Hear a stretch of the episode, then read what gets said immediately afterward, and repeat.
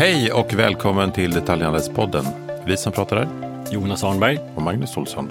Och idag har vi en supergäst. Vi har Johan Marcus, Sverigechef på Attensi här. Varmt välkommen. Tackar så mycket. Attensi är ju eh, gamifierade utbildningar som du måste berätta mer om. Eh, men berätta också om dig själv. Jag kan väl säga att jag kommer från retail och har jobbade, började faktiskt med att sälja uppslagsverk via direktförsäljning. Och sen studerade jag och pluggade jag och sen kom jag in inom arbetsgivarvärlden och jobbade på Svensk Handel i tio år. Och blev vice vd där och gick till posten. Och eh, sedan har jag haft förmånen att jobba utomlands i många år. Men stötte ganska tidigt på Attensi. Eh, Men den utlandsvistelserna har ju varit affärsutveckling eh, mycket. Ta svenska bolag till andra länder via Exportrådet och via senaste jobbet som vd för SAC i USA. Ja, det är otroligt intressant. Vi vill ju prata egentligen om allt möjligt från eh, hur man gör ett vasst avtal som gammal förhandlingschef till eh, eh vad händer där ute i vida världen. Men vi kommer försöka hålla linjen att prata lite om, till att börja med, handelns kompetensbehov. För att gå in mer på läget nu och konjunktur och så avslutar vi med liksom, hur man lyckas göra utbildning effektivt och roligt och vad det kan skapa för värden för bolaget till sist lite om framtiden. Men börja med eh, kompetensbehovet, för ni jobbar med att träna personal. Vilken bild eh, har du av handelns generella servicenivå? Nej, men den är ju väldigt varierande och, och eh, jag slås ju ofta faktiskt av att det är jag som hälsar först när jag går in i en butik och ögonkontakt och dylikt. Men den är väldigt varierande och jag har ju känt det att det är ett väldigt stort tryck på det. Att eh, träna bemötande, att träna kundupplevelser och eh, jag tror den är ständigt förbättrande faktiskt.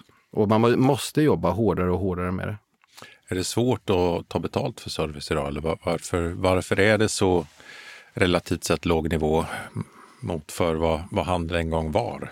Nej, men allting har ju effektiviserats eh, väldigt mycket och eh, kanske tidigare utbildning inte har effektiviserats på den eh, graden, för det är dyrt. Klassrumsträning, traditionell e-learning, att du ska läsa en bok eller ett papper, en pdf, se en film och sen svara på frågor. Eh, kanske inte heller är det mest eh, passande för, för handeln, där det är ganska snabbt. Det är eh, människor som är doers och eh, kanske inte, precis som jag uppskattar att sitta och läsa en lång text och sen svara på frågor. Kom kom ihåg Magnus, jag tror det är du som gjorde det inom ramen för We Hunt for Heads, en undersökning med ett modeföretag som ställde frågan till konsumenten vad man vill ha av personalen. Hjälp mig nu, för jag tror att du vet vad jag snackar om. Eh, där då, första frågan var ju hur man får hjälp och då var det jag googlar. Andra frågan var ju jag pratar med en kompis. Tredje var ju att gå fram till i princip en främmande människa, en annan kund. Så nummer fyra kom fråga butikspersonalen. För en ung publik idag är liksom uppväxt med butikspersonal som inte kan någonting. Och kan de något så är det enda de säger är jag rekommenderar den här försäkringen också. Eller något. alltså, nu, alltså, nu överdriver jag lite, men visst är det Ja, bara för att nyansera det så var det en eh, fokusgrupp som eh, jag var med och tog del av resultaten av. Men det var just så. Och, och det, det man ville egentligen se var hur man skulle nå en yngre målgrupp med personlig försäljning. Eh, och de tyckte inte om det. Eh, och det var till och med så att de vägrade att gå in i en butik av risken för att bli tilltalad av en säljare som då skulle bli, liksom, påtvinga dem saker och ting på ett konstlat sätt. De förväntade sig inte en, en, en normal dialog utan de- de förväntade sig att det, det var någon som skulle påverka dem och, och köpa saker de inte har. Och då, då var det just det här som, som Jonas var inne på att att eh, helst vill man eh, gå och shoppa med en kompis och bekräfta varandra. Eh, och om inte det fanns, då pratar man med en okänd person. Och, och om det inte fanns någon okänd person överhuvudtaget, eh, då gick man till säljaren. Och det, det är ju väldigt olyckligt för det finns ju, och det kan man ju se både lågpris och uh, säljarköpshandel och det finns ju sån oerhörd kunskap nedsparad i hur man faktiskt kommer till avslut och hur man Eh, konvertera kunder in till att bli kunder. Eh, och den kunskapen gäller ju att förmedlas. Eh, den kan ju inte bara gå i tradition eller att man lär av varandra och det tar ju tid det också. Och galen potential också. Det känns lite som att eh, man, man, man, tuffare tider, man ska kapa kostnader, det är liksom, hyran går upp, löner går upp, eh, inflation upp och allt vad det är. Men det som är enklast att dra ner på då är antal arbetade timmar och, och så blir det liksom tuffare. Service, servicen urholkas. Liksom. Mm. Jag tror ju att det finns, eller jag vet ju att det finns fantastiska möjligheter och att vi har ju märkt kunder som säger att eh, nu när det har varit lite skakigt att det är också nu det är dags faktiskt att satsa. Mm. Eh, satsa inför kommande höst eller satsa inför eh, att bygga träningar eh, i vårt och med vårt system. Eh, och det gäller ju eh, som allt. Alltså, jag stötte på eh, Atensi första gången ja, bara något år, 2014, det bildades 2012, ett norskt företag. Och eh, jag såg jag kände nästan som att det här, det här är genialt. Det är liksom som att två uppfinningar blir något riktigt bra. Som en motor och en cykel blir motorcykel. Eh, just det här med att man blandar gamification och game-based learning med 3D-simulering. Du skapar ett spel som trycker på alla de triggers du har i hjärnan för att bli engagerad och spela och repetera. Men, men eh, det låter dyrt eh, och utbildning generellt sett är dyrt. Eh, och, och, med tanke på att handeln då lever med och är ett instegsjobb för många tillsammans med, med restaurang då möjligtvis. Kan man, kan man räkna ihop att, att ja. liksom få ihop det här med personal som slutar om ett tag ändå? Absolut, och det är väl där kanske vi ser en av våra starka punkter att det är just den tiden före, under en preboarding, före och när man kommer till jobbet, man är som stoltast och man är som gladast. Och då gäller det verkligen att kunna hitta ett engagerande och roligt sätt att träna så, så, att man vill göra det. Och via gaming kan vi uppfylla det. Och vi ser ju att eh, det var eh, en eh, snabbmatskedja som eh, vi gjorde onboardingresa för. Preboarding och onboarding. Och under det året de spelade, då minskade de det som kallas, ja, de som slutar inom fyra veckor, four weeks leaver. De sänkte alltså personalomsättningen med 47 procent där. Mm. Men vadå gamification? Hur, hur kul är det liksom att utbildas? Äh, gaming är ju så stort och det är något nytt. G ordet gaming är nästan eh, spel. Det, det, är nästan fel för att tekniken gaming kan ju användas på, på så mycket. Och, och vad är gaming? Jo, det är något som på engelska säger man att det är immersive, alltså att, att det är uppslukande. Och du har också en känsla av att du ska bli mästare på något. Tävlingsinstinkten kommer in. Gaming idag omsätter, eller kommer nästa år tror jag det eller 2023, kommer alltså omsätta långt över 300 miljarder dollar eh, globalt. Det är alltså större än vad Hollywood och film, eh, musikindustrin är sammanlagt i gaming. Och varför är det det? Jo, det är för att det är så engagerade. 750 miljoner kineser eh, räknas som gamare eller spelare regelbundet. Över 200 miljoner amerikaner. Så, så, det är något stort och det har underlättats naturligtvis via mobiltelefoner, att man kan göra det via molnet och naturligtvis de gamla konsolspelen som fortfarande är väldigt starka. Men hur går det till då rent praktiskt? Om eh, Nisse ska börja på måndag här, vad, vad gör ni då med Nisse? Ja, då har vi byggt, eh, till exempel om vi pratar ombordning, då har vi byggt en resa. Och då är det olika spel. Alltså första dagen, då kanske vi börjar med våra värderingar. Sen kanske det är produktkunskap. Eh, sen kan man eh, lägga in lite olika inslag och så kommer kundbemötandet väldigt vanligt. Arbetsmiljö. Och sen spelar man sig igenom spel. Och grejen är det, det är inte så att du läser en text för det, utan du kommer rakt in i spelet eh, som, ja, som Candy Crush Saga eller vad som. Och du lär dig genom att spela. Du får instant feedback. Du, avatarer kommer som är kollegor eller kunder och du får hela tiden instant feedback. Och sen har du naturligtvis en nivå du ska eh, nå upp till, till exempel 80 procent och då får du en stjärna och då kan du gå vidare på nästa.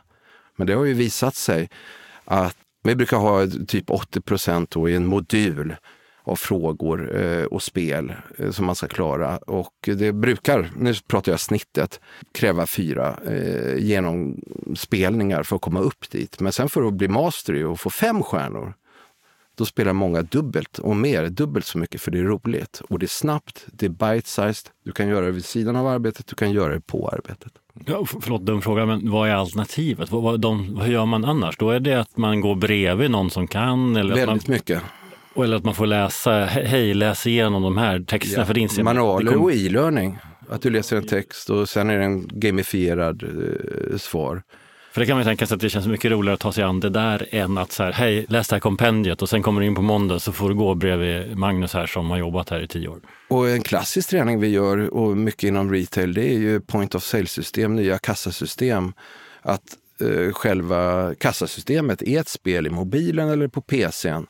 Och du spelar det samtidigt som kunder kommer in. Du ska hantera kassan och hantera kunderna. Du ser vad är det för slags kunder. Är det en snabb, eh, på Circle K till exempel, är det en man som bara ska ha en kaffe. Det kanske inte är dags för merförsäljning, men är det en barnfamilj, ja, via kassasystemet, vad är extraerbjudandena och så vidare. Och du lär dig det tillsammans. Och du får interaktivitet. Du hänger upp ditt lärande på att du träffar personer samtidigt. Avatarer alltså. Är det här någonting man gör när man har blivit anställd eller kan det vara Det innan? är preboarding också. Jag tänker att så här, som ung idag och jag är kräsen, då kanske jag vill testa d- några olika och så inser man att det där verkar rätt hängigt. Jag vill hellre köra det här. Liksom. Ja, absolut. Och, och jag menar, det här är ett sätt. Det är det närmaste sättet du kan komma till one-to-one learning. Att, att, eh, och, och det är ett sätt att följa upp det. Det är ett sätt att ta lite, eller dela ansvaret med chefen.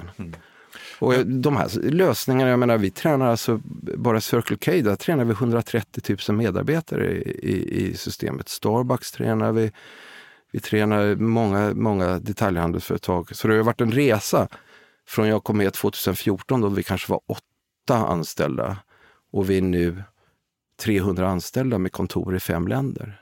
Så att, eh, och det är det jag menar med kraften bakom eh, gamification. Och kan man använda de krafterna Tittar ni, eller ska, tittar man i vår hjärna så har vi ju olika delar av hjärnan. Det kan vara att vi, egenskaper där vi liksom dopaminet gör att vi kommer igång lite. Det kan vara social kontakt, det går vi igång på. Det kan vara färger, det kan vara rädsla. Det kan vara att vi är samlare, för det är vi ju någonstans i botten.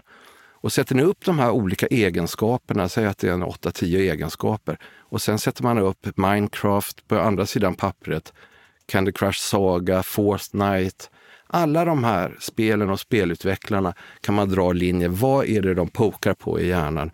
Och det har de full koll på. Men du, eh, en förutsättning för att lyckas med det här misstänker jag är att du har koll också på ditt erbjudande som, som kedja eller som, som retailer.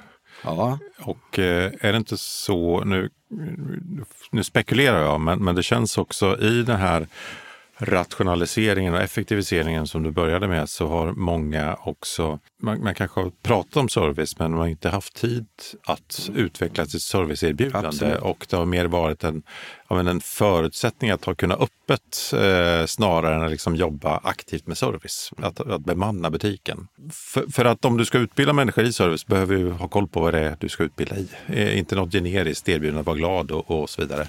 Vad, vad, ser, ser du några, eh, finns det några lärdomar där? Ja, där måste jag säga att där tror jag att jag är, är förbluffad. Alltså, eh, jag var inne på det lite förut.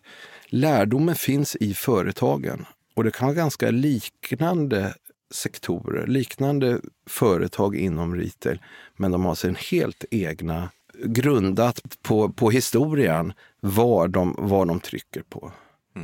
Och det är väldigt spännande och det har de för det mesta. Så vad vi gör, det är att ta den kunskapen och sen har vi spelförfattare och med erfarenhet från retail, hospitality och även andra branscher som sätter ihop det. Tar de bästa minigamesen för den typen av kunskapen och så vidare. Va? Så det menar att även om, även om serviceerbjudandet eller positioneringen har degenererats under ett decennium så kan man ändå plocka upp eh, liksom kärnan? Ja, ur- man kan plocka upp kärnan och det finns som regel i, i företagen finns det en, en, eh, ja, från, från mission och vision, en, en, en, ganska klar linje av det här är vårt koncept. Och det är konceptet det gäller att förtydliga och få med det och få in det liksom eh, i, i medarbetarna. Och förstå varför, varför är, det, är det bra med eh, merförsäljning, se det som en, något positivt, att man bringar värde både till kunden och till, till eh, företaget. Och ser du det tydligt, att, att, att det blir en merförsäljning? Ja, absolut. Det har, det har vi ju sett. Eh, har vi, vi gör alltid så att, eh, och det, det, är något som saknas i kanske många utbildningslösningar, men i och med att vi är game-based och varenda klick ger oss data, så mäter vi alltid på engagemang och motivation, kunskap och repetition. Och sen knyter vi också datan vi får in till olika KPI-er. Så, eh, och vi har eh, haft kunder vi har haft länge för Norgesgruppen och den stora sparkedjan eh, i Norge eh, som kan kanske jämföras med, med ICA. Där hade vi alltså under ett år en försäljningsökning i de butikerna som tränade mest på 3,4 procent. Och de som tränade minst, och de skulle kunna träna lite mer, de hade det på 1,1 procent. Men det är ju stora, stora mm. siffror. Och samtidigt såg vi att kundnöjdheten som ofta följer med ökade med 46 procent. Så för en dagligvarukedja är det hela lönsamheten? Ja, det är fantastiskt. Och även på, på, på en av de, ja, den största, ja, en av, får jag säga, en av de största kaffekedjorna i världen så höjde vi det med, med det var ticket value med 1,1 procent. Och de här gör vi ju tillsammans med, med företagen. Jag tror att hela lågprishandeln delvis har växt fram såklart utifrån ett behov hos konsumenten, men också utifrån retails svårighet att leverera en bra upplevelse. Då har man istället byggt ett koncept som, där premissen bygger på att här får du ett lågt pris, du får inte någon särskild service. Liksom. Ja, men samtidigt, och jag har blivit förvånad nu när jag kommit tillbaka, var, var lågprisaktörerna också jobbar med eh, service, en annan form av service. Men lite det jag var inne på, det är en, en, en framgångsrik lågprisservice inom dagligvarorna i Sverige. Liksom. De vet precis, alltså ögonkontakt, det är A och O. Var in the middle of the aisle, vara nära folk fast att ni är få. Kanske inte följa med om du ser att kunden har, eh, har självförtroende, annars följa med. Och du som konsument, går du in på Lidl och får ett, eller någon annan lågprisaktör och får ett dåligt bemötande, det, det tar eh, lika mycket som om det är en, i en annan affär. Så att det är oerhört viktigt. Men hur börjar man då? Man, man antar, eh, jag hörde ett exempel på en stor rikstäckande kedja inom textil, eh, hemtextil och då väljer jag att inte säga namnet på dem. Men de hade en period där de jobbade väldigt mycket med rabatter eh, och anställde personal ut, som egentligen logistikmedarbetare i butik för att fylla på bingar och liksom kunna hålla eh, varuflödet i takt med sina kampanjer. Och sen fick en strategiförändring där man skulle gå mot en mer klassisk fackhandelsposition och kompetens istället. I den transitionen så, så behövde man ju, då hade man ett kompetensglapp kan man uttrycka ja. det som. Hur skulle du ta dig an en sån utmaning eh, där du liksom behöver göra en turnaround på hela, hela kompetensen? Och, och... Nej men då är det ju så att då, då måste vi ju få stenkoll på vad är det för resa som, som det här företaget vill göra och utifrån det bygga kurser. Och då har vi ju lösningar som är, vi är alltid 3D-simulerat på något sätt. Men många av dem är, är, enklare, det kan vara minigames man spelar. Sen har vi upp till riktigt, alltså du rör dig i butiken och kunder kommer in och så vidare. Så här låter det som ett, ett case för att man hade eh, satsat på något, eh, en bra lösning för oss som, som ger en interaktivitet i kundbemötandet som gäller och att man kan naturligtvis mäta eh, resultatet. Och där ser vi, det gör vi alltid med alla kunder, att vi tar vad var kunskapsnivån när de började och sen ser vi vad är det när de har nått mastery. Och då ser vi i, i, ja, i stort sett i alla fall att man i stort sett har, har eh, stängt det kunskapsgappet som, som du pratar om. Eh, Johan, vi ska djupa mer i utbildningen och gamifieringens potential. Men först bara när vi ändå har dig här. Du har ju varit med och följt handeln i många år. Eh, till en början på Svensk Handel och som förhandlingschef där bland annat. Eh, Eh, och nu i de här tiderna vi går in i, det kommer ju bli tufft. Vi tror inte att vi har sett det tuffaste än. En höst där eh, ännu fler lån säkert har ombundits eh, om och högre kostnader och sådär. Eh, och, och, du var inne på det lite kort. Nu, nu, har vi en omställning som nog medför att många kommer behöva lägga mer tid på till exempel att utbilda personal och så. Men, men vägen dit kan nog bli lite tuff. Hur förbereder man en organisation för tuffare tider skulle du säga? Där måste man ju ha en flexibilitet dels och sen måste man, om, man, man ska ju alltid ha lite rädsla, jag menar även som person. Man ska ju inte tro att man klarar allt. Så att jag är ibland förvånad att eh, eh, man, man, borde ha en plan B helt enkelt i sådana här situationer. Jag tyckte det rasslade till mest nästan i höstas. Då märkte vi också att det var en oro och sånt. Sen hade vi en, en till slut en bra höst och, och, många nya svenska kunder också i vår. Men eh, just det, där tror jag flexibiliteten naturligtvis är väldigt viktig. Och satsa på det man har och ha en plan B. Jag menar, eh, Lides alternativ där när de gick ut med prissänkning, det var ju proaktivt. Det var, det var ju eh, smart. Det hade de ju tänkt på. Men handeln har ju varit i ett läge nu där man jag tror när du var på HI så pratade ni om att handeln aldrig hade backat sedan, 90-talskrisen. Eh, och, och, nu har det liksom växt upp en hel generation, en, en och en halv generation som aldrig har varit med när det har varit riktigt tufft.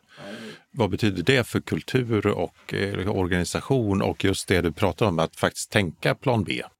Nej, men jag tror ju att medvetandet har kommit. Samtidigt så tycker jag att eh, om jag mer tittar efter, utifrån mitt gamla liv eh, med, med lönerörelse och sådana saker så tycker jag nog att eh, det känns på något sätt som vi har kommit över en puckel här. Att eh, det här avtalet som slöts verkar eh, väldigt rimligt måste jag säga. Och det tycker ju alla, det är ju inte bara jag. Men det kändes som det kanske fanns lite i ladorna hos eh, industrin och man la ett relativt högt första år och ett lägre andra år. Ger också Riksbanken liksom möjlighet att köra sitt race eh, under två år. Och det här är ju mycket beroende på vad jag sett, men jag tyckte det kändes nästan skakigare i, i eh, höstas, vintras. Men eh, man måste väl ha en viss rädsla. Det kan ju hända väldigt mycket fortfarande, precis som du säger med när lånen går från bundet till rörligt bland annat. Tillbaka till liksom potentialen i utbildning som man inser ju är enorm. Vad, eh, du var inne på merförsäljningen, den ökar efter att man liksom har blivit vassare såklart. Vad, vad, vad, vad finns det för andra KPI som dina retailkunder liksom fokuserar på? Eh, nej men eh, försäljning, eh, precis som du säger, är de sälj och merförsäljning. Sen är det naturligtvis väldigt viktigt eh, eh, hur lång tid tar det innan man kommer upp i, i kunskap kan man spara träningstid och omsättning av personal, personalomsättning. Jätteviktiga KPI. Sen är nöjd kundindex naturligtvis viktigt. Nöjd medarbetarindex. Båda de kommer, det låter som att de kommer lite på köpet om man får till det första. Liksom. Ja, många av de här eh, är, sitter ihop alltså. Så, så lyckas man med, med, bra med ett KPI så är det inte sällan att det är något annat KPI som också eh, går iväg. Sen kan det vara arbetsmiljö och hälsa. Där såg vi på eh, Fällesköpet som då är eh, motsvarande som granngården.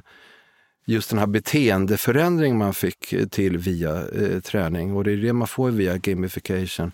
Att man eh, förstod på ett helt annat sätt mer vad, vad, vad bakgrunden till att jobba med arbetsmiljö var. Och eh, i det såg man en beteendeförändring, att de, mycket fler incidenter rapporterades in. 100 procent mer än det var gjort tidigare. Och en större förståelse för det.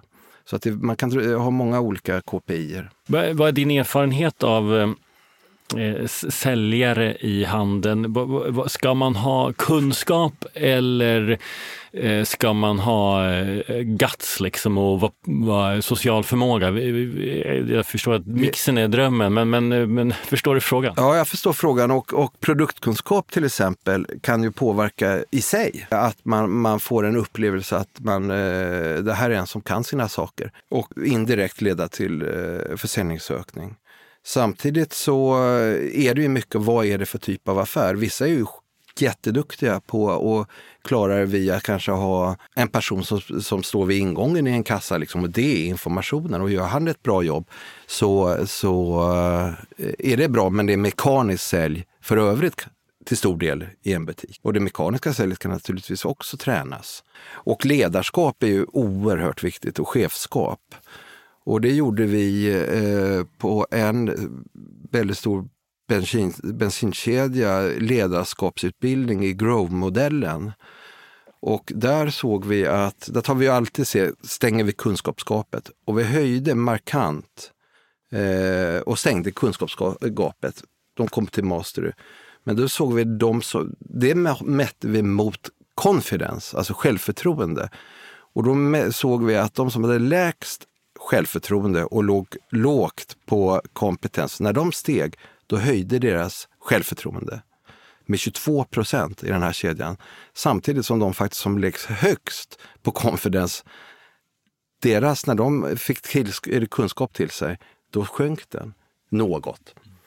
Så att eh, man kan stä även stänga det gapet. Ja, det är ju inte så jättebra med en som har väldigt mycket confidence men väldigt lite kompetens. Nej, men särskilt när så här, idag går ju butiksbesöken ner men konverteringen upp förhoppningsvis. Alltså kunden kan researcha på nätet och, och sen så kan man ganska mycket, ibland kanske till och med mer än personalen när man kommer in i butik. Mm. Så jag tror det är viktigt för personal i butik att Alltså, förr i tiden räckte det med att ha en butik på rätt plats och rätt grejer i hyllorna. Mm. Nu måste du ju kunna vara en partner till kunden och, och eh, bidra med någonting där. Och, och, då låter ju den här typen av övningar väldigt rimlig. Tänkte just ställa den frågan, för att ha, har du något exempel på där ni har lyckats påverka konverteringsgraden? För att det betalar ju direkt en sån här insats. Så vi har haft eh, avsnitt i podden som handlar om growth hacking och man pratar liksom om alla möjliga knep och eh, tricks för att skapa tillväxt. Men det känns ju som att det här är en väldigt lågt hängande frukt för många att börja med de kunderna som faktiskt har letat sig till butiken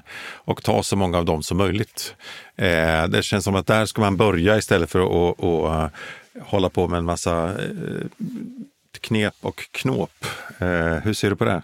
Ja, conversion rate, ja, eh, absolut. Och där har vi ju eh, många bra exempel och en eh, retailkedja som tränade produktkunskap och bemötande. Och via det, ungefär 50-50, via det så höjde de sin conversion rate med 4% Och då såg vi också att de som tränade minst, de butikerna hade en betydligt lägre ökning än de som tränade mest. Och när jag menar att vi höjde det 4 det är alltså omsättningen. Som Stenmark sa, ju mer jag tränar desto mer tur har jag. Precis, va? det är, lite så. Och det är, tyvärr är det inte tur bara. Va? För att basen i allt det här, det handlar ju ändå om en beteendeförändring. Och för en beteendeförändring, då är väl många av psykologerna överens om att det är tre faktorer som behövs för en effektiv beteendeförändring. Och det är engagemang och motivation. Du kan inte sluta dricka och, in på ett hem om du inte är motiverad. Sen kommer kunskap. Du måste få tillgång till kunskapen och samla på dig kunskapen. Och sen kommer Stenmark. Du måste träna, träna, träna och repetera. Och det är just de här sakerna som 3D-simuleringen och gamingen sporrar. Att man repeterar, man lever i världen, den är interaktiv. Så det kan man säga basen i vad vi gör, det är liksom 3D-simulering, gaming och sen att vi mäter resultat. Och när du säger det så är det också mycket, det, det låter väldigt rimligt. Det är mer märkligt att man inte gjort det. Varför är det bara piloter som har, har fått köra en simulator? Eller med, alltså det här är ju ett sätt eh, att säkert attrahera kompetens på. Det, det, det är roligare och att man inser att handeln kommer från en tid där man, förlåt alla handlare, inte hade behövt ans behövde inte anstränga sig så mycket. Nu är det mycket tuffare och då måste du ta tillvara på besöket, bland annat genom att personalen har koll. Och det är roligt att säga det med eh, piloter, för det var väl en av de frågorna vår grundare ställde sig. Varför är det bara piloter och läkare som tränar i simuleringar i, i stort sett? Och kan det användas både på hard och soft skills?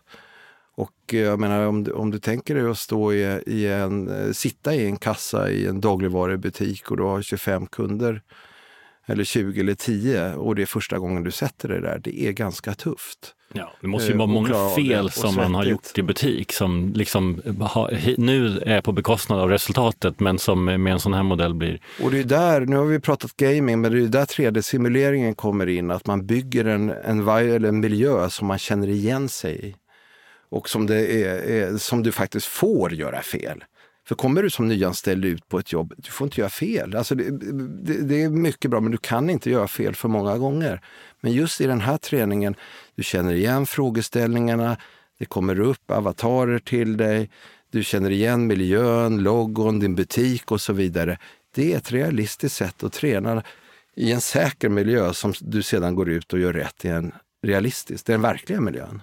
Så där är 3D-simuleringen. Är det mest nya och unga medarbetare ni har? Eller är det, jag tänker så här, Happy Homes lanserar en ny färg liksom och så bara kör man ut att alla, även fast man är anställd i 20 år, kör en uppdatering? Liksom. Tittar man på statistik, alltså generellt på gaming, så är, är det naturligtvis en viss övervikt vid eh, yngre. Men en medelålders gamare idag är närmare 40 år. Det är lika mellan kvinnor och män. Det är lite olika spel man spelar. Johan, onekligen så har handeln eh, en del lågt hängande frukter att plocka. Eh, och eh, med dig så så kan man ta några av dem och om du tittar mot 2030 eller liksom välj en framtid som känns rimlig för dig. Vad är de stora skillnaderna då jämfört med retail idag? Ja, jag, jag tror ju att eh, kundupplevelsen i retail och kommer finnas kvar. Jag tror bemötandet, jag tror att fysiska butiker naturligtvis är här för att stanna fast att vi, vi kommer se olika förflyttningar.